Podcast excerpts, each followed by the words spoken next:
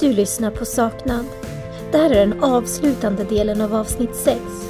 Och mitt namn, det är Josefin.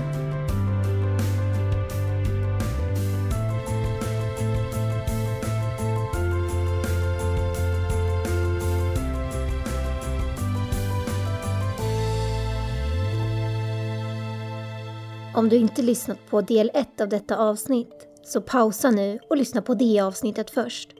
Vi vill också passa på att varna, då detta avsnitt innehåller en del obehagliga detaljer. Bristol, England. Året är 2015 och Becky, hon är försvunnen.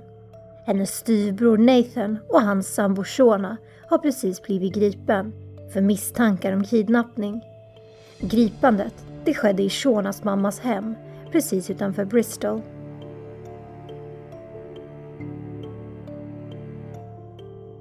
Nyheten att en 28-årig man och en 21-årig kvinna har gripits når familjen och man misstänker ganska snabbt att det är Nathan och Shona som gripits. I en intervju så berättar Beckys mormor att så fort hon fick höra att det var en 28-årig man och en 21-årig kvinna som hade gripits så förstod hon att det var Nathan och Shona.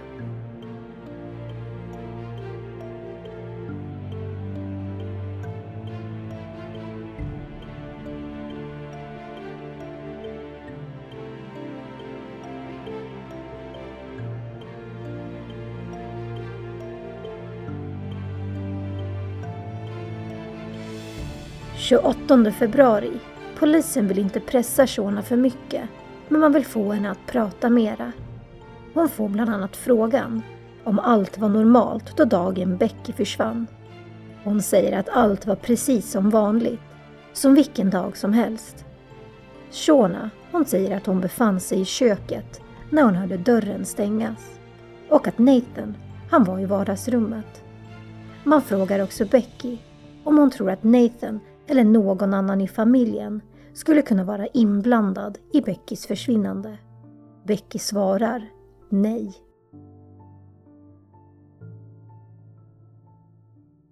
Ju längre tiden går så börjar hoppet om att Becky ska vara vid liv att sina. Under tiden Shona och Nathan förhörs så undersöker polisen deras bostad som bara ligger drygt en och en halv kilometer från radhuset där Becky bodde med sin familj. Polisen, de går in i radhuset iklädd munskydd och vita skyddskläder. De ropar ”Hello polis” innan de går in. Man har en liten förhoppning om att kanske hitta Becky vid liv i lägenheten. Kanske är hon bara skadad och polisen kan få återförena henne med sin familj.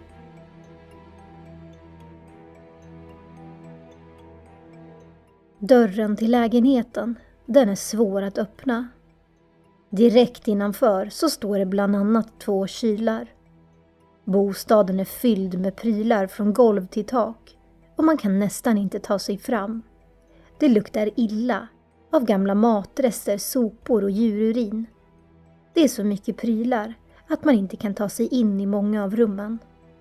Faktum är att först såg man inte ens att det fanns en toalett på nedervåningen eftersom det var så mycket möbler och skräp i korridoren att dörren inte syntes. Man går upp på övervåningen och det oroar polisen att badkaret i badrummet är så rent. Det finns massvis med grejer, precis som i övriga bostaden, inne på badrummet. Det finns bland annat en spis och en mikrovågsugn. Inne i badrummet så kan man knappt se handfatet. Men badkaret, det är helt tomt. Och inte bara det, det är skinande rent. Det sticker såklart ut eftersom allt annat är väldigt smutsigt och belamrat med prylar. Samtidigt som man undersöker bostaden så får man mer tid till att förhöra paret. Man fortsätter in i mars månad med förhören. Men man berättar inte för Nathan att man hittat hans fingeravtryck i Beckys blod på övervåningen. Men man vill sätta viss press på Nathan genom att fråga honom om han befunnit sig på övervåningen den dagen. Man berättar också att man undersöker deras bostad. Två dagar in i undersökningen av parets bostad så hittar teknikerna tre stycken kvitton i ett skåp som blir mycket intressanta. Det första kvittot det är på 88 pund, daterat till den 20 februari, det vill säga dagen efter Becky försvann. Kvittot är från en byggvarubutik. Man har inhandlat en cirkelsåg, handskar, skyddsglasögon och en ansiktsmask. Butiken har övervakningsfilmer kvar och där kan man se Nathan iklädd mörka kläder och en mörk mössa med en blå detalj. Han går in i butiken strax innan klockan ett. Han väljer ut en cirkelsåg från hyllan och tar med sig cirkelsågen tillsammans med övriga varor till kassan. Nathan diskuterar med kassören. Han säger att priset på hyllan inte stämmer med priset i kassan. Men han köper till sist sågen, trots det högre priset, och han lämnar butiken. Kvitto nummer två. Det är från den 21 februari. Kvittot är på 98 pund. Denna gång från en annan butik. Men även nu så finns det övervakningsfilmer kvar. Och där kan man se Nathan och Shona som besöker butiken tillsammans. De köper flera flaskor med rengöringsmedel som innehåller klorin. De köper plasthandskar och flera rullar av plastfolie. Sista kvittot, det är från den 22 februari. Det visar att Nathan och Shona har köpt flera förpackningar med sopsäckar. Man har köpt mer rengöringsprodukter och flera rullar av grov tejp. Och i bostaden så hittar man också två stycken olagliga elpistoler. Inknölat i en ugn på badrummet så hittar man en svart bilmatta. Den matchar den som borde finnas i bakluckan på Nathans bil. Man tar också bland annat deras datorer och telefoner i beslag för att undersöka innehållet. Nu tror polisen att Becky kan ha blivit mördad. Man befarar också att hon kan ha blivit styckad i parets badkar. Nu är Shona och Nathan inte bara misstänkta för kidnappningen utan delges även misstanke om mord och innehav av olagliga vapen. Polisen tror att Shona och Nathan har dödat Becky och gömt kroppen.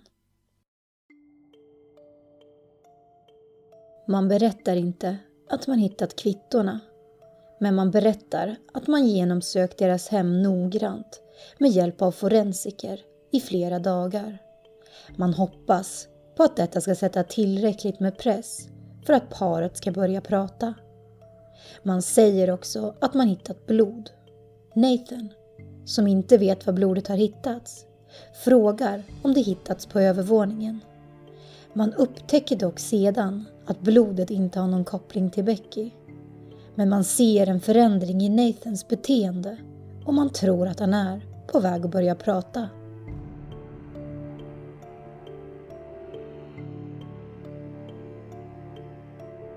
Elva dagar efter Becky anmälts saknad, kvällen måndagen den 2 mars, så ger Nathan polisen ett skrivet uttalande via hans advokat.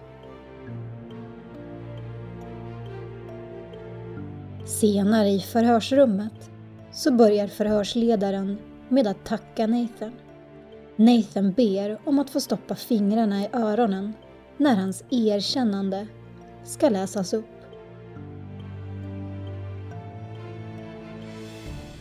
I stora drag så säger han ungefär så här.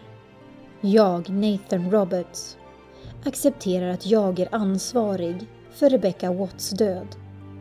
I Nathans uttalande så säger han att han kommer till familjens radhus den 19 februari 2015 tillsammans med sin flickvän Shona. Och detta strax efter att hans mamma Angie lämnat radhuset för att besöka sjukhuset tillsammans med Nathans mormor. I sin bil så har han en stor säck. I den finns det en elpistol, handbojor, tejp och en mask. Han säger att idén var att skrämma Becky genom att iscensätta en kidnappning. Han ville lära sin styvsyster en läxa. Han säger att han tycker att Becky var självisk och att hennes beteende mot hans mamma var riskfyllt för Angies hälsa. Först så startar han tvn till parets tvååriga dotter. Och några minuter senare så säger Shona att hon behöver ta en cigarett och hon går ut i trädgården. Nathan, han säger då att han går ut till bilen för att hämta säcken med dess innehåll. Han går upp på övervåningen utan att Shona märker något. Han plockar fram innehållet i säcken och sätter på sig masken. Därefter så knackar han på Beckys dörr. Becky svarar What? or Hello. Nathan, han säger något i stil med Can I see you a minute? Han säger därefter att han inte är säker på i vilken ordning allt händer. Men han använde sakerna han hade med sig för att övermanna Becky. Under det korta tumultet så glider masken åt sidan.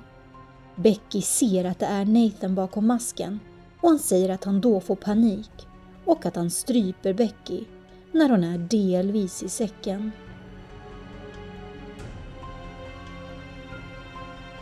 Han upptäcker att Becky är död. Han tog sedan flera föremål från hennes rum, såsom hennes telefon, dator, en del kläder och skor. Han tar också påslakanet från sängen. Nathan, han säger att han sedan lagt säcken med Beckys kropp i bakluckan på sin bil. Detta utan att Shona har märkt något. Han och Shona, de stannar kvar i familjens bostad till klockan sju på kvällen. Senare på kvällen, när Shona har somnat, ska han ha burit in säcken med Beckys kropp från bilen och lagt den i parets lägenhet.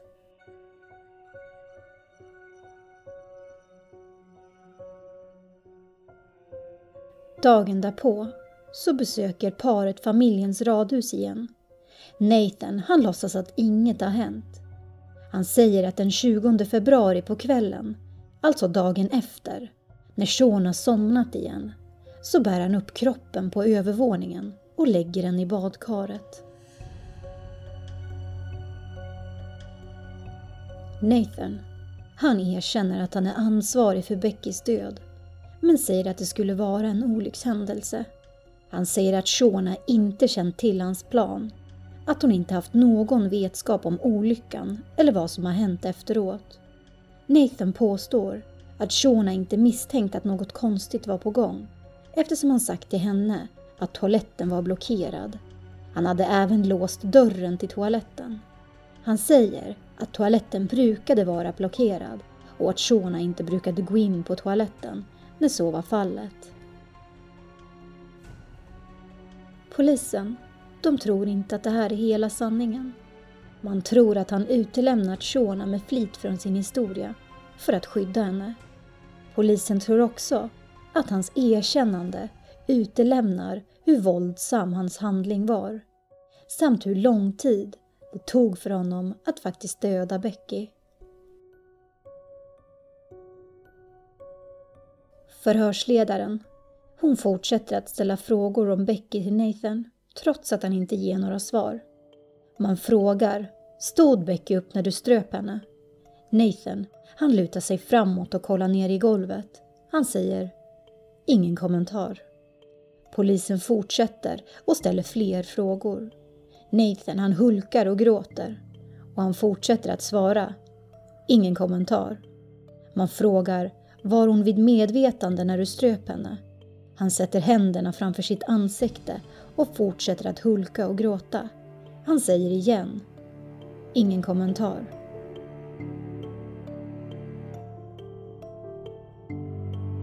Man talar också med Shona om att Nathan har tagit på sig skulden för att ha dödat Becky i familjens radhus. Hon nickar mot förhörsledaren som frågar när fick du veta och hon säger igår morse. Hon säger att hon inte har någon som helst inblandning i mordet på Becky och att hon inte haft någon aning. Beckys mormor hon säger i en tv-intervju att hon tycker att deras historia är chockerande. Hon säger att hon tror att det är Shona som är hjärnan bakom det hela.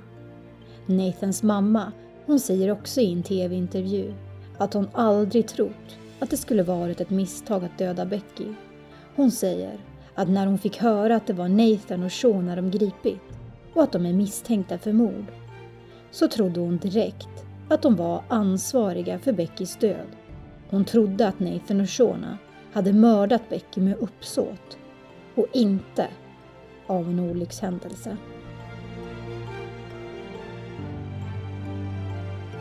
Nathan, han erkänner också att han använt cirkelsågen för att stycka Beckys kropp i deras badkar i lägenheten.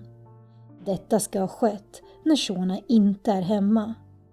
Han säger att han lindat in kroppsdelarna i plastfolie och att han lägger dem i väskor, påsar och i en plastlåda. Som han först gömmer i parets bostad.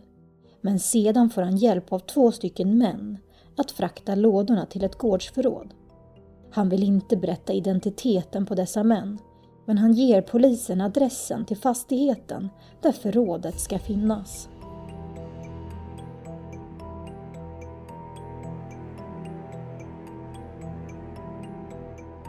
Dagen efter Nathans erkännande, det vill säga 12 dagar efter Becky försvunnit, besöker polisen adressen där förrådet ska finnas. En man öppnar dörren till bostaden han berättar att det är hans brors hus. Polisen går in och man ser glasdörrar som leder ut till en bakgård byggd i betong. Den är stort sett tom, bortsett från en grill och ett trädgårdsförråd. Man går in i förrådet och där hittar man väskor och en plastlåda, säckar och en ryggsäck staplat på varandra. Polisen som tittar i väskorna berättar att han gått in i förrådet och plockat upp ett av paketen som ligger i en av de översta väskorna. Han virar upp många lager av tajt lindad plastfolie som hjälpt till att bevara paketets innehåll. Nu står han med en ganska välbevarad mänsklig högerhand i sin. Det är tydligt att det är en kvinnohand. Den har rödmålade naglar och har kapats vid handleden.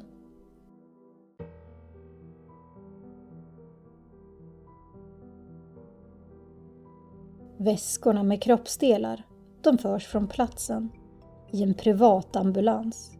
Samtidigt som ett stort forensiskt team börjar undersöka platsen. En av de huvudansvariga utredarna säger att det som de gjort mot Beckys kropp är det värsta han någonsin har sett. Bilder av fynden kommer alltid att finnas på hans näthinna.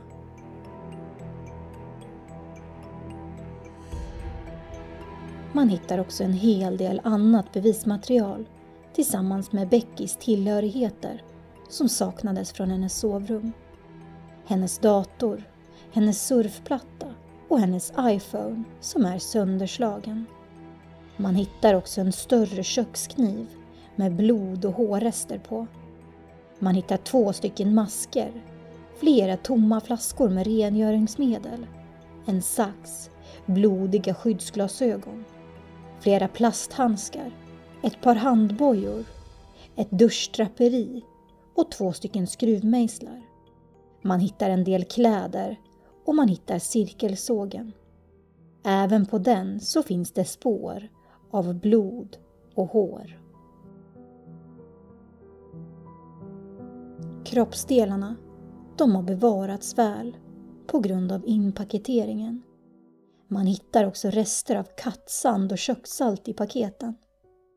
Efter den komplicerade rättsmedicinska undersökningen av kroppsdelarna så fastställs dödsorsaken.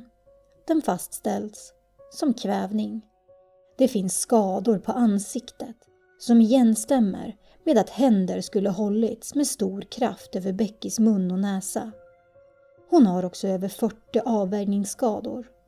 Och skadorna de stämmer inte överens med Nathans beskrivning av förloppet då han påstår att han strypt Becky. Beckys kropp har även 14 knivskador. Men dessa skador bedöms ha uppkommit efter döden. Man ser också tecken på att någon försökt tappa kroppen på blod. Man testar kroppsdelarna mot Beckys DNA och man kan bekräfta att det är Becky man hittat.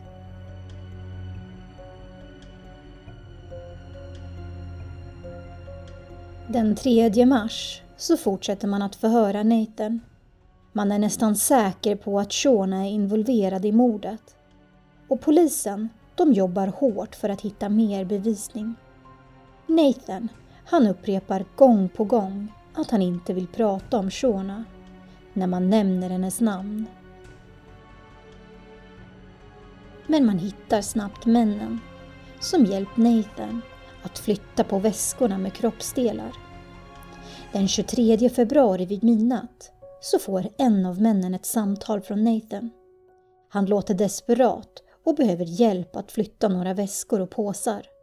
Han erbjuder mannen 10 000 pund om han hjälper till.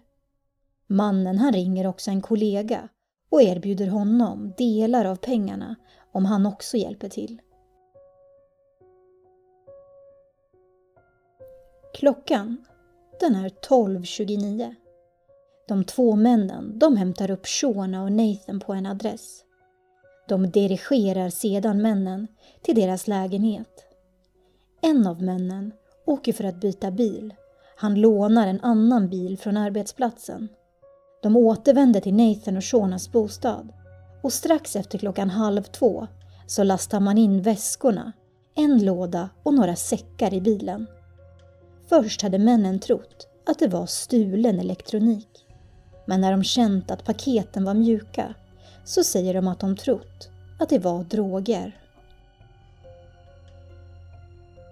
Och på väg till förrådet på bakgården så fångas bilen flera gånger på övervakningskameror. Dagen efter så kommer Nathan tillbaks till adressen för att lämna en ryggsäck i förrådet. Man förhör också Shona för att försöka sticka hål på några av hennes lögner. Men Shona hon vidhåller att hon inte har någon aning om att Nathan dödat Becky och vad som har pågått efteråt. De vet nu att Shona ljuger om vissa saker. Hon säger bland annat att hon gått och lagt sig tidigt den 23 februari, att hon alltså inte har varit med i bilen. Och man misstänker att det finns fler lögner i hennes historia.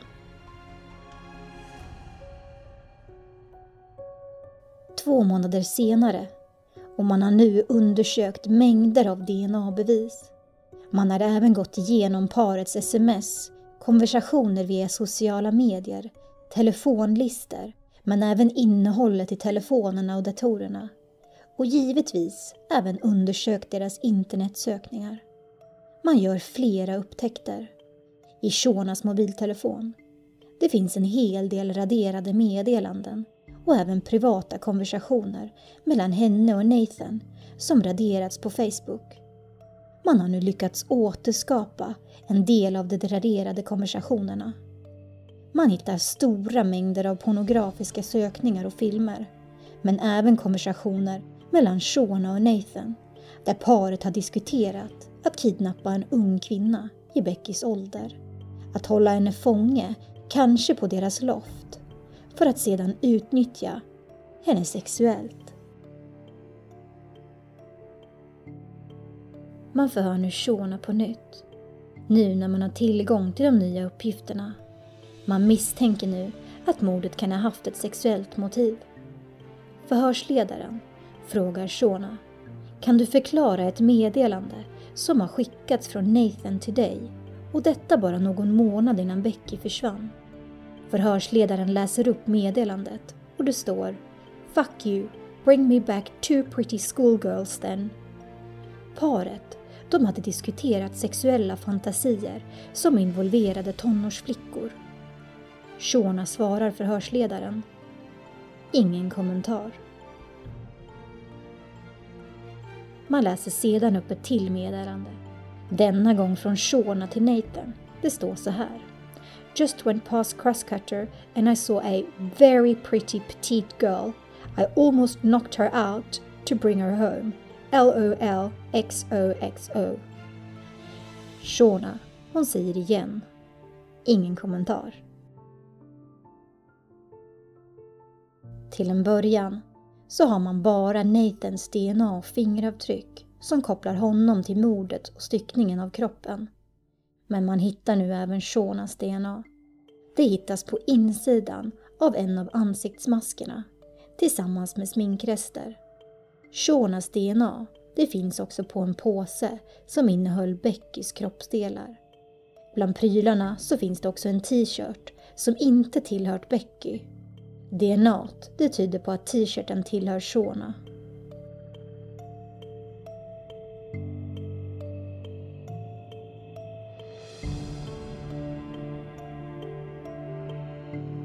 Bristols invånare, de blir väldigt berörda av fallet och man startar en insamling till Beckys begravning. Det blir en stor och fin begravning och över 500 gäster dyker upp. De får inte plats i lokalen men man sätter upp högtalare utanför. Becky, hon kommer att kallas för Bristols ängel.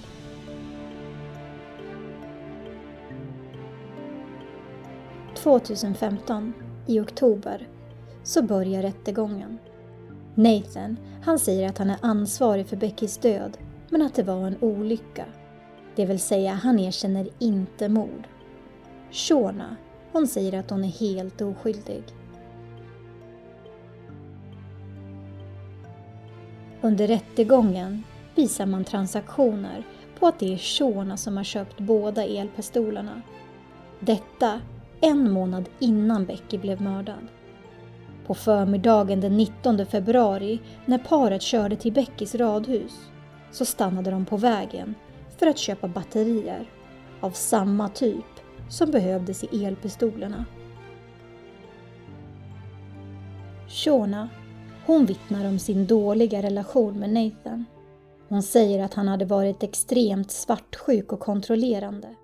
Att han ständigt misstänkte att hon skulle träffa någon annan och att han inte lät henne lämna huset ensam. Becky, hon mördades strax efter klockan 11 i sitt hem efter att Angie hade lämnat huset i sällskap med Nathans mormor för att besöka sjukhuset. Hon försökte försvara sig innan hon kvävdes. Beckys kropp låg sedan i bakluckan på bilen under tiden Nathan och Shona stannade kvar i familjens radhus för att kolla på TV. Och visst känns det fruktansvärt att veta att Beckys kropp låg i bakluckan på bilen bara några meter från huset när hennes pojkvän kom till familjens radhus för att fråga efter Becky. Vid sjutiden så lämnar Shona och Nathan huset för att åka hem. Hemma fortsätter de att kolla på TV. De spelar bland annat Monopol och beställer kinesisk takeaway mat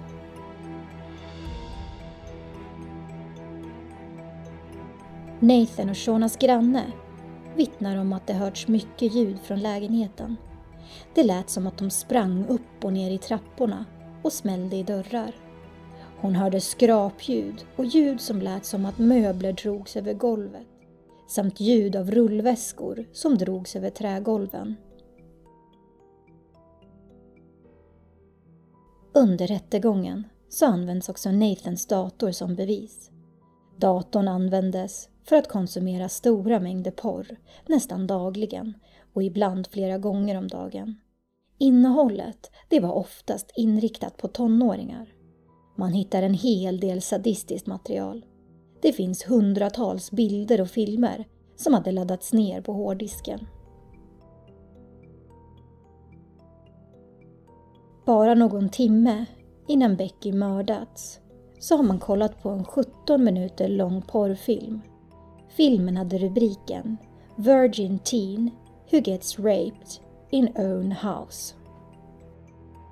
Filmen var våldsam och den innehåller skrämmande liknelser med vad Becky utsatts för.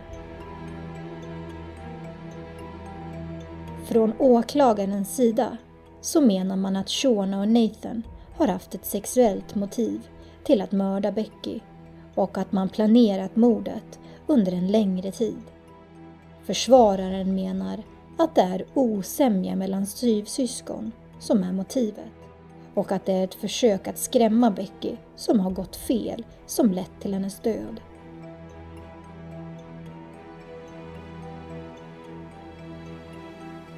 Shona, hon hade samma dag som Becky försvann kollat på ett Youtube-klipp på sin telefon. Detta klipp var en parodi på sången Do you like to build a snowman från filmen Frozen. Klippet hette istället Do you like to hide a body? Hon säger att det var ett roligt klipp som hon visat för Nathan som de hade skrattat åt och att hon då inte haft en aning om att han hade dödat Becky. Rättegången, den varade i fem veckor men det tog juryn tre timmar att fatta sitt beslut. Shona, hon döms inte för mord utan för dråp och på några andra punkter. Hon får ett 17 år långt fängelsestraff. Nathan, han döms också på flera punkter, men han döms framförallt för mord. Han får ett minst 33 år långt fängelsestraff. Domarens ögon är tårfyllda när han motiverar straffet. Han nämner bland annat mordets brutalitet och hur de båda har ljugit för att försvåra utredningen och att de inte visat någon ånger under rättegången.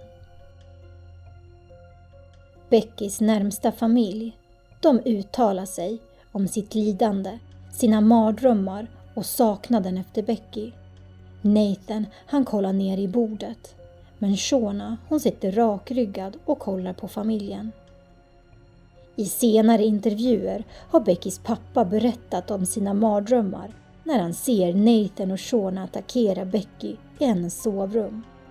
Angie och Beckys pappa, de sitter alltid nära varandra och håller varandra i händerna under intervjuerna. Det är tydligt att deras kärlek är stark, men man ser också i deras ansikten de djupa såren som Nathan och Shona har åsamkat familjen. Angie, som är mycket sjuk, säger att hon vill träffa Nathan en sista gång i fängelset. Hon vill fråga honom varför. Hon vill att han ska förstå att han förstört hennes liv, att hon kommer dö med ett brustet hjärta. Angies sista önskan, det är att begravas bredvid Becky. Glöm inte att ge oss fem stjärnor i iTunes och att klicka på subscribe om du vill att vi publicerar flera säsonger av Saknad. Vi finns också på Instagram under Saknadpodden. Där hittar du förhandsinformation samt information om när vi publicerar nästa avsnitt. Vi är tacksamma att ni följt oss denna säsong av Saknad. Jag som berättar, jag heter Josefin och jag hoppas att vi hörs igen.